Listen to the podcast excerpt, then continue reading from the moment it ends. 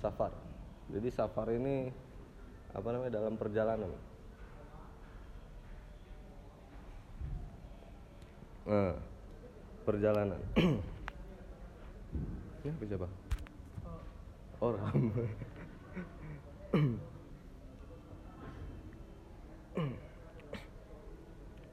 dalam perjalanan. Nah, eh, apa namanya? Kalau di sini nih, misalkan siapa yang eh, mungkin di sini su- suka dalam perjalanan, terus eh, tiba-tiba dia meng mengkosor atau mengkodok menjamak lah ya, menjamak sholatnya. Eh, bagaimana jarak eh, siapa apa namanya kalian menentukan jarak berapa jarak ketika jarak kayak misalkan 50 km apakah udah boleh kosor gitu kalau misalkan ada yang 30 km coba. Gimana Riz? Hah? 85 85 kamu minimal 85 km soalnya banyak. Ulama pun berbeda eh, berbeda-beda pendapat. Masalah eh, kilometer ini. Soalnya dalam perhitungannya itu adalah fimar ini. Fimar ini itu artinya eh, dua marhalah dua marhalah itu kalau diukuri ya itu 48 mil. Nah cuma kalau dalam apa namanya kalau misalkan dalam perhitungan jarak matematika satu mil itu adalah 1,609 sekian sekian lah ya.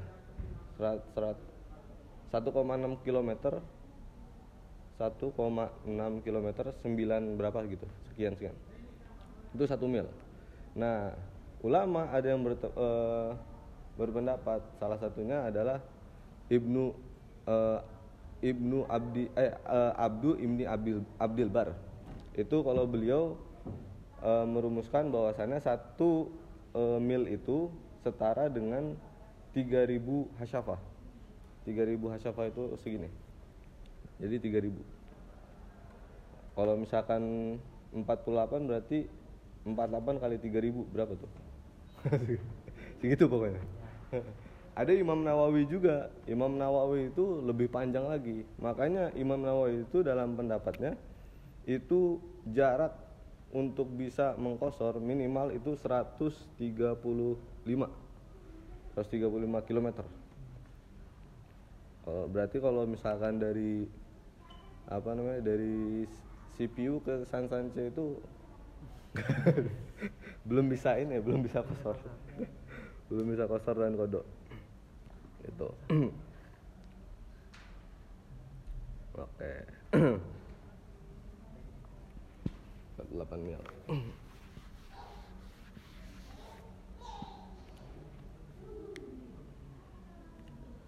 Ah, Eh, qala sallallahu alaihi wasallam as-safaru qit'atun minal adab ay inna safara la yakhlu min min masyaqqatin hisiyatin qatul tariq.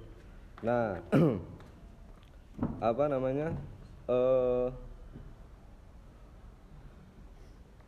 ahkam safar. Jadi ini adalah hukum-hukum pertama adalah hukum-hukum safar. Bagaimana hukum-hukum safar itu? Jadi perjalanan pun ada hukumnya gitu. Apakah dia wajib? Apakah dia sunnah? Atau dia makruh? Berapa kira-kira? Ada berapa hukum untuk perjalanan? Ada yang tahu nggak? Yan berapa ya? Hukum perjalanan. Kamu dari sini ke Shanghai misalkan. Berapa hukumnya? Apakah dia wajib? Apakah dia sunnah? Perjalanan kamu ke Shanghai.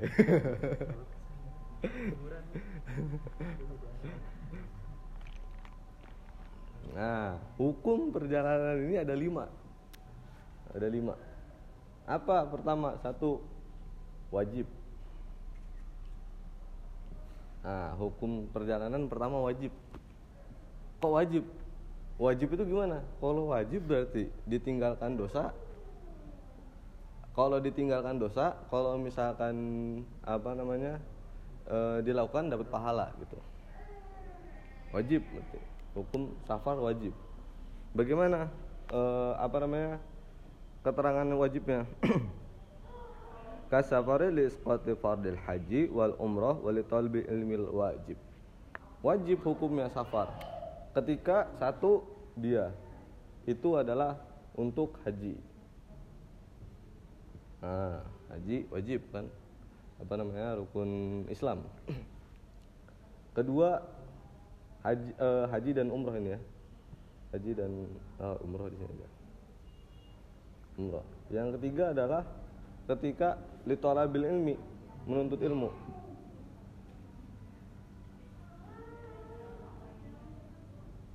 Nah kenapa uh, apa namanya menuntut ilmu ini diwajibkan ya jelas karena untuk mencerdaskan. Nah makanya kenapa ada ulama yang membagi uh, dosa ketika kita tidak mengetahui. Jadi kayak misalkan nih ada kita kita sholat misalkan. Eh kamu sholat tapi kok sholat maghribnya dua rakaat gitu. Wah saya nggak tahu. Biasanya cuma nggak tahu wah nggak tahu kalau dalam mindset kita sekarang hari-hari ini itu biasanya wah kalau nggak tahu nggak apa-apa padahal ulama membagi ketidaktahuan ini menjadi tiga sama-sama dosa jadi tidak tahu ini sama-sama dosa Kenapa? Pertama dia kena uh, apa namanya? Kena uh, hukum tidak menuntut ilmu. Padahal menuntut ilmu itu wajib. Apa namanya? Uh, talabul ilmi fardhatun ala kulli muslimin. Jadi menuntut ilmu itu wajib fardhoh li apa namanya untuk orang-orang uh, muslim. Dia tidak tahu karena tidak menuntut ilmu. Dosa satu.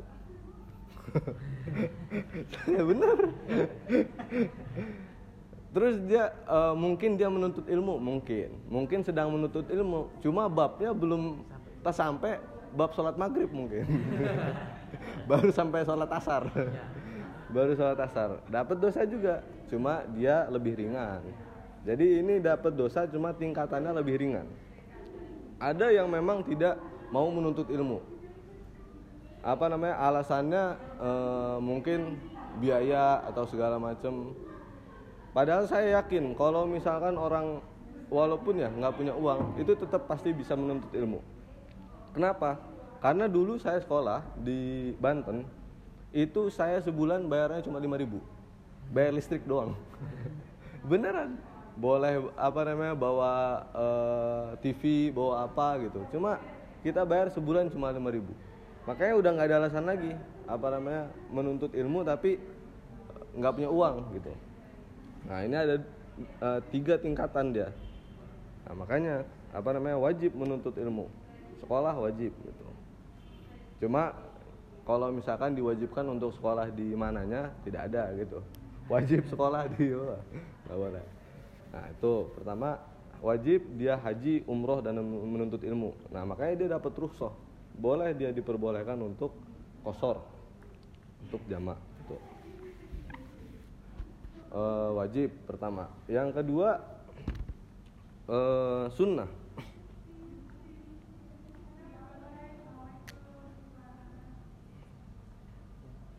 e, ada lima ya. Yang kedua itu sunnah. Apa sunnah? Yaitu liziarati kasafari di ziaratin nabi wasilaturrahim jadi apa namanya? Ziarah berziarah terus apa namanya? Ber mengikat tali silaturahim itu disunnahkan. Nah, boleh. Safar sunnah. Berarti dapat pahala dia yang ketiga apa mubah mubah ini berarti boleh mubah boleh. Boleh karena apa? Kasafari di tijaro. Biasanya untuk perniagaan. Apa namanya? E, misalkan dia mau jualan apa, mesti ngambil barang di Cina gitu. Boleh dia. E, tijaro. Mubah hukumnya mubah. Yang keempat hukumnya adalah makruh kasafari li tijarati fi akfanil mauta awil lillahwi wal la'ibi ghairil muharram. Boleh yang keempat apa? Ke keempat ini makruh. kadang orang dihukumi misalkan nelen ludah boleh nggak waktu apa namanya, waktu puasa ah cuma makruh makruh apa artinya makruh dari asal kata karoha. Yukrihu. Ini kalau misalkan saya dulu di pesantren ini suka apa namanya suka ngejelek-jelekin orang. Bukan ngejelek-jelekin orang. Apa namanya kayak candaan kita wah insan yukroh. Yukroh itu artinya orang yang dibenci. Nah makruh ini dibenci dibencinya bukan dibenci sama manusia ini dibenci sama Allah ini. Makruh makanya hukumnya makruh. Nah, apa yang dimakruhkan perjalanan yang dimakruhkan? Kasafar li tijarati fil fi akfanil mauta awil lillahwi awil la'ibi ghairul muharram. Nah kayak perjalanan misalkan kita mau jalan-jalan. Apa namanya? Eh, senang-senang camping. Memang eh, apa namanya tapi maksudnya bukan ini ya bukan apa namanya camping seandainya camping misalkan camping niatnya untuk mempe- eh, melihat keindahan alam ciptaan Allah itu bisa jadi ini bisa jadi sunnah.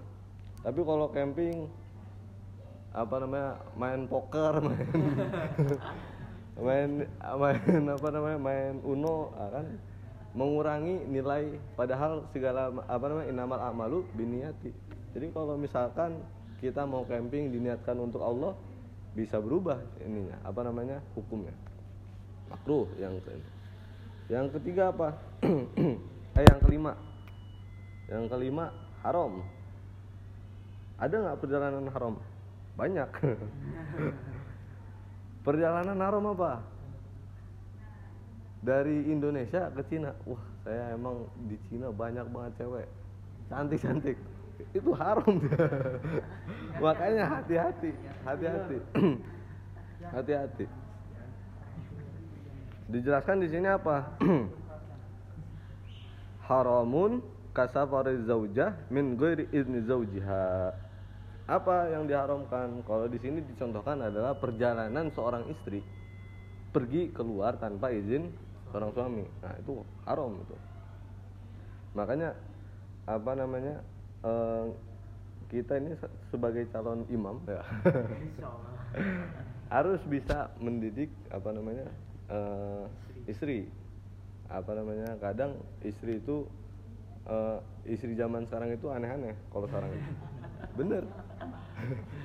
Saya itu pergi ke Malang. Apa namanya waktu liburan kemarin pergi ke Malang. Jadi a- jadi teman saya ngajak ini ngajak minum ke kafe pas ngopi gitu ngopi. Itu teman-temannya itu eh, mungkin karena istri-istri sekarang itu umurnya 23 24 ya sekitar 23 24 nongkrong bawa anak ya coba. Itu kalau saya dari kampus biasanya apa namanya pulang dari kafe misalkan jam 12 habis habis ngerjain tugas itu masih biasa. Soalnya kan bawa anak laptop yang digendong. Ini yang digendong anak gitu jam satu.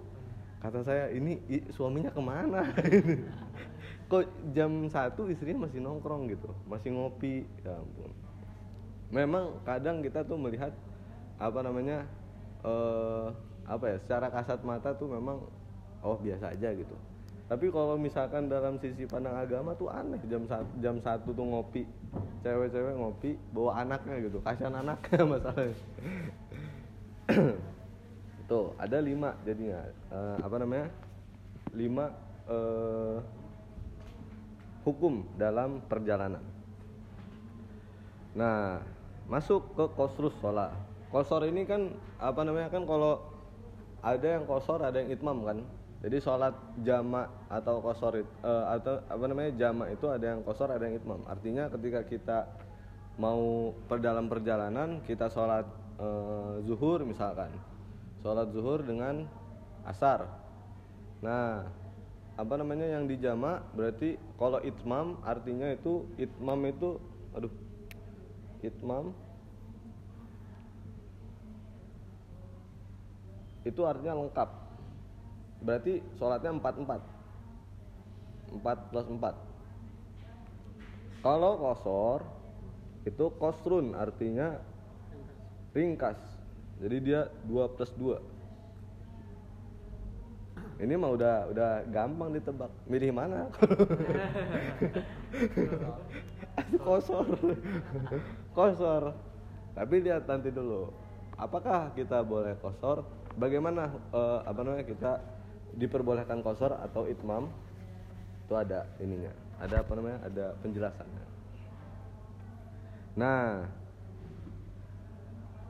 Nah di, ada permasalahan. Ayyuhuma afdol al qasru amil itmam. Apa namanya? Masalahnya adalah pembahasan dalam per, uh, apa namanya? Permasalahan yang dibahas adalah mana yang lebih baik? Antara kita 2 plus 2 atau 4 plus 4 gimana bagus bagusan mana? Yang lebih banyak lebih baik. Istri empat lebih baik enggak empat plus empat apa dua plus dua deh. Yang lebih banyak yang lebih baik. Yang lebih banyak nggak selalu lebih baik. Contoh sholat duha 12 rakaat dengan sholat duha 8 rakaat mana yang lebih baik? Kenapa 8 eh kan 12 lebih banyak 12 dengan 8 nah 12 dengan 8 mana yang lebih baik? Coba. Jawabannya pasti 12 karena terlihat banyak. Uang kalau misalkan satu juta dengan 5 juta eh satu juta dengan 5 juta ya. Lebih mending mana kalau dikasih? Ya 5 juta. Tapi enggak di sini. Kenapa apakah sholat 12 rakaat sholat duha 12 rakaat lebih baik? Nggak selalu. Dan enggak memang enggak. Karena apa? Karena sholat uh, yang di apa namanya yang dilakukan eh, uh, oleh Nabi itu delapan. Yang paling sering itu dilakukan ada delapan. Jadi mengikuti paling banyaknya ya delapan. Delapan kalau tiap hari 12 cuma sekali dalam sebulan kalau 8 tiap hari ngikutin Rasul gitu lebih baik. Tapi memang kalau walaupun kalau dalam hitungan pun misalkan sehari sholat itu 8 rakaat lebih baik daripada 12 rakaat karena pertama lebih banyak dicontohkan oleh Nabi. Nah 2 plus 2 dengan 4 plus 4 ayuhuma afdol al qasru al militmam al qasru afdol fi arba'i halat. Jadi kosor nah 2 plus 2 itu baik. Lebih baik dibanding 4 plus 4 plus 4 itu ketika ada di dalam empat kondisi. Pertama, pertama, ida balagta mas, um, masafatu safri salah satu marahil khurujan min khilafi man aujabahu kal imami Abi Hanifah. Jadi kalau misalkan e, pertama itu adalah ketika perjalanan telah mencapai uh, salah satu marahil, tiga marhalah. Tiga marhalah ini artinya sekitar 100 um, 123 123 mil eh? Kilometer?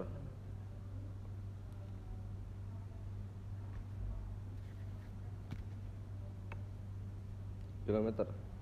123 km khurujan min khilafi man aujabahu.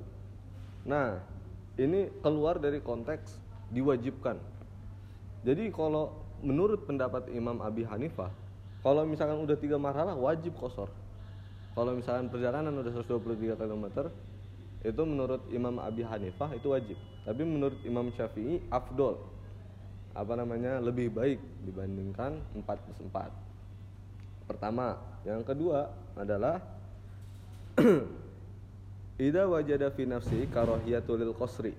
Nah. Kalau misalkan dalam diri manusia itu muncul kebencian untuk kosor muncul kebencian. Kayaknya jarang sih kalau sekarang orang muncul kebencian. Kebencian untuk kosor. Jadi menurut dia wah kalau saya kosor ini pahalanya lebih dikit menurut dia. Dia benci uh, jadi akhirnya tuh benci dengan kosor. Dia pengennya 4 plus 4 pokoknya saya maunya lebih banyak gitu. Muncul kebencian maka dia afdol. Untuk orang seperti dia lebih baik untuk kosor. Aneh kan? Bukan aneh ini. Ini memang secara psikologi begitu. Secara uh, psikologi Islam. Nah itu yang kedua. Yang ketiga adalah ida syakka fi dalilin jawazal qasri. Jadi dia uh, apa namanya dalam diri seseorang itu ada rasa uh, apa namanya syaka syaka itu artinya keraguan. Muncul keraguan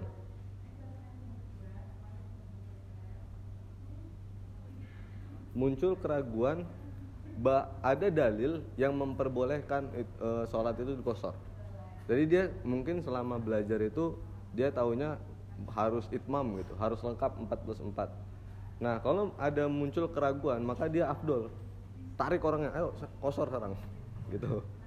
Muncul keraguan untuk apa? Untuk menghilangkan keraguannya. Kenapa? Karena keraguan ini kadang datang dari uh, setan.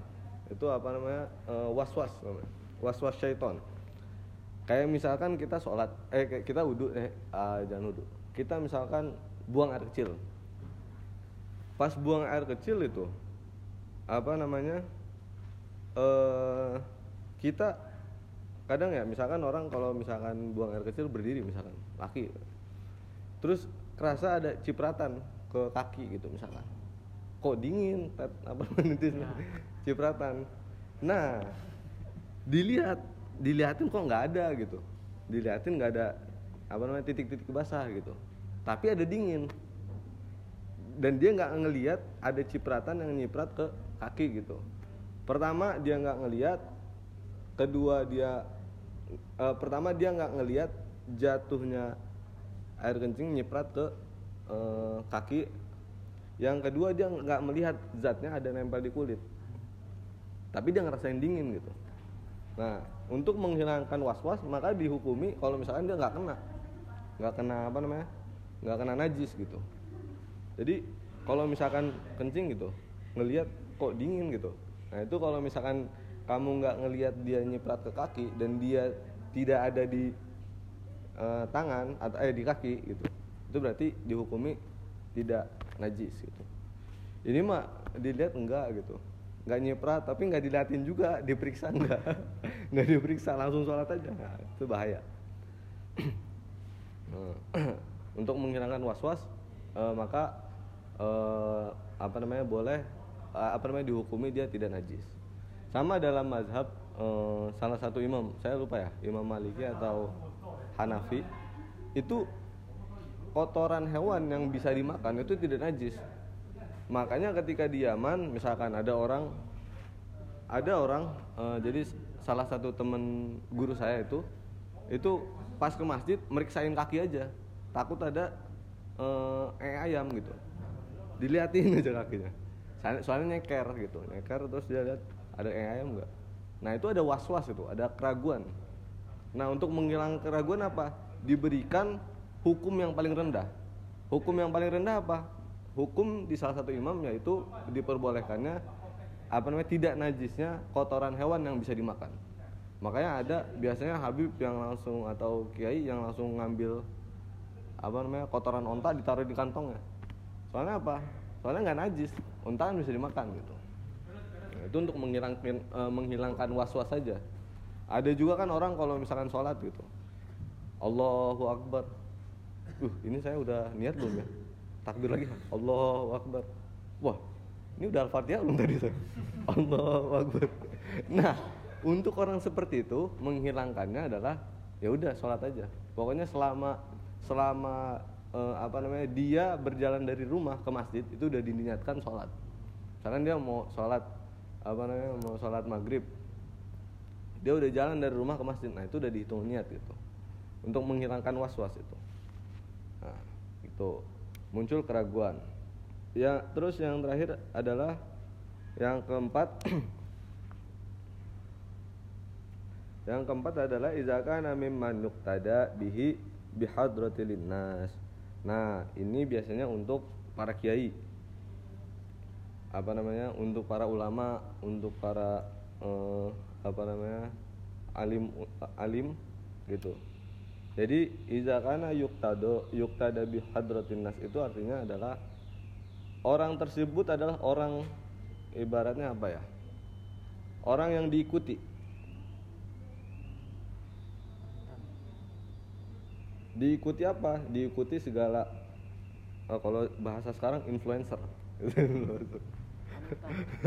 Panutan. Dijadikan panutan. Panutan dalam hal baik tapi yang jelas.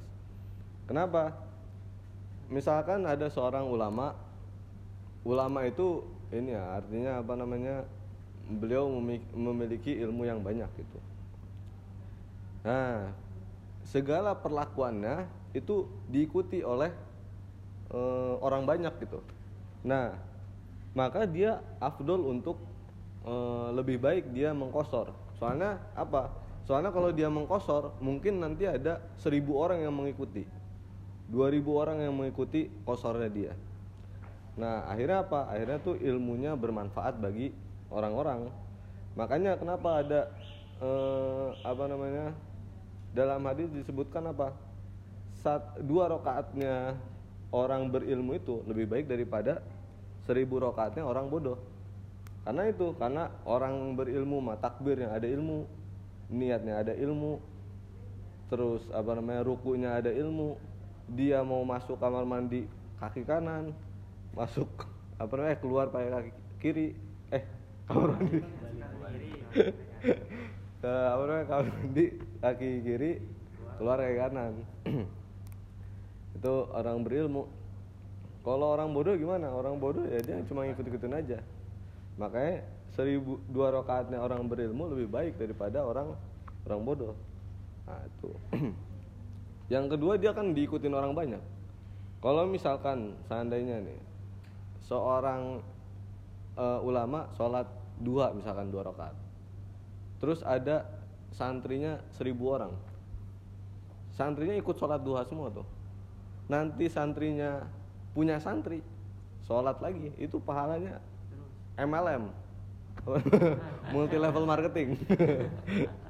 Oh berarti Islam udah pertama kali apa namanya uh, menggunakan ilmu M MLM itu empat. Empat apa namanya? Uh, empat kondisinya. Nah terus jaraknya gimana? Jaraknya tadi menurut uh, Imam uh, Ibni Abdul Bar Ibni Abdul Bar. Itu sekitar 86 km. Nah, menurut Imam Nawawi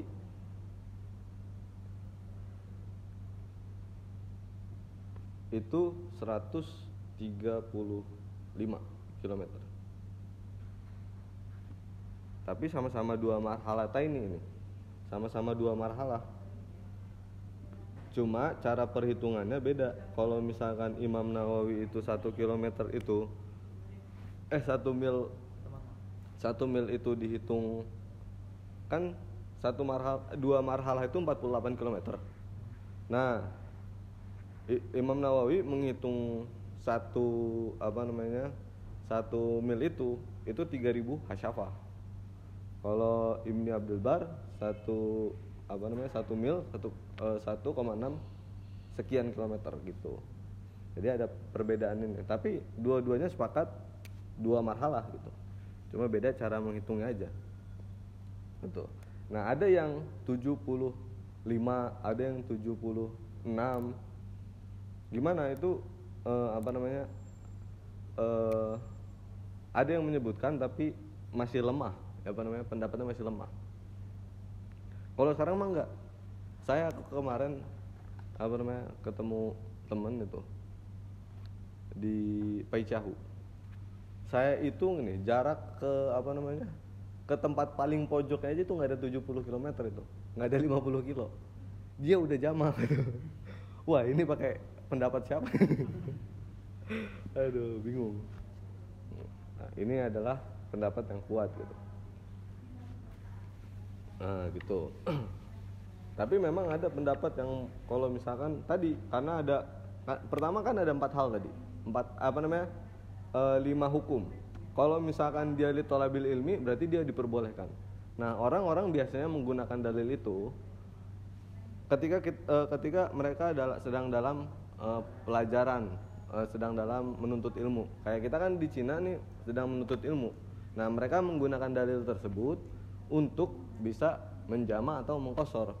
Nah padahal kalau misalkan sudah lebih dari tiga hari dia di situ dia dihukumi sebagai sabit. Sabit itu artinya adalah tetap penetap dia. Walaupun penutup ilmu kalau misalnya sabit dia dihukumi dia telah tinggal di situ kalau lebih dari tiga hari. Makanya kita kalau misalnya lagi dalam perjalanan misalkan kita mau ke Shanghai tiga hari misalkan. Itu tiga hari selama tiga hari boleh jamak terus. Asalkan jangan jamak jumbo aja sa. Subuh sampai isya di jamak semuanya. Jamak tuh. Nah, eh, apa namanya waktu-waktunya udah tahu ya. Apa namanya zuhur ke asar, eh, asar ke zuhur atau eh, apa namanya maghrib ke isya, maghrib ke isya. Nah, kalau maghrib isya boleh nggak kosor? Kalau kosor gimana berarti? Tiga dua. Ada pendapat Imam eh, apa namanya?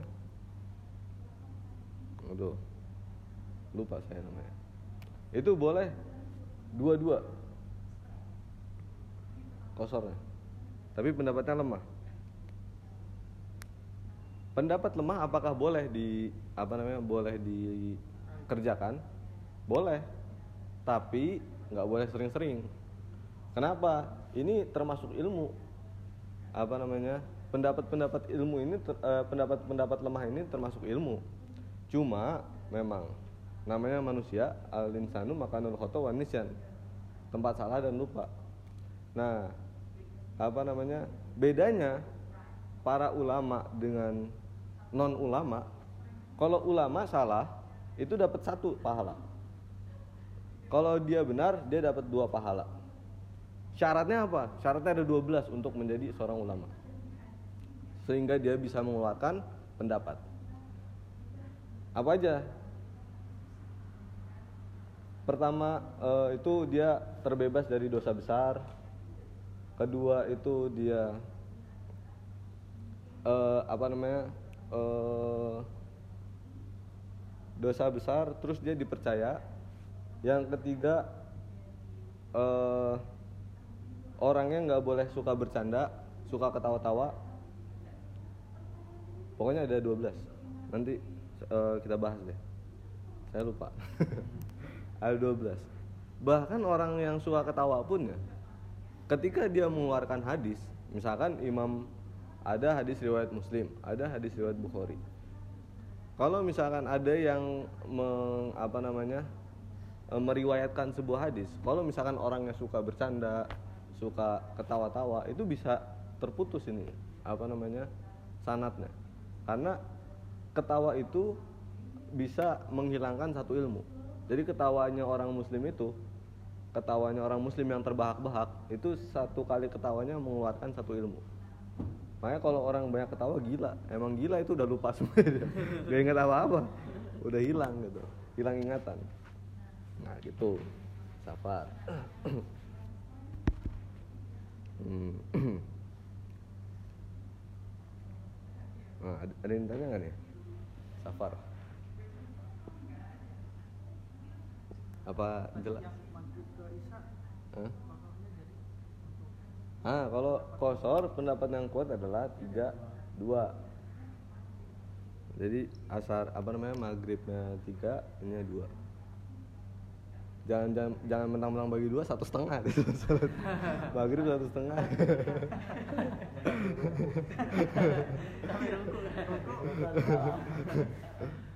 tiga dua. Nah, kalau misalkan nih ada apa namanya? Kalau misalkan eh eh, apa namanya? Sholatnya kemarin tuh ada yang eh, ada yang nanya tuh tentang kodok ya, kodok. Apakah boleh sengaja mengkodok tuh? nah sengaja mengkode itu emang nggak ada dalilnya itu nggak ada hukumnya bukan nggak ada dalilnya sehingga apa dihukumi kalau misalkan dia sengaja mengkodok dia dosa nah kalau misalkan eh, perjalanan misalkan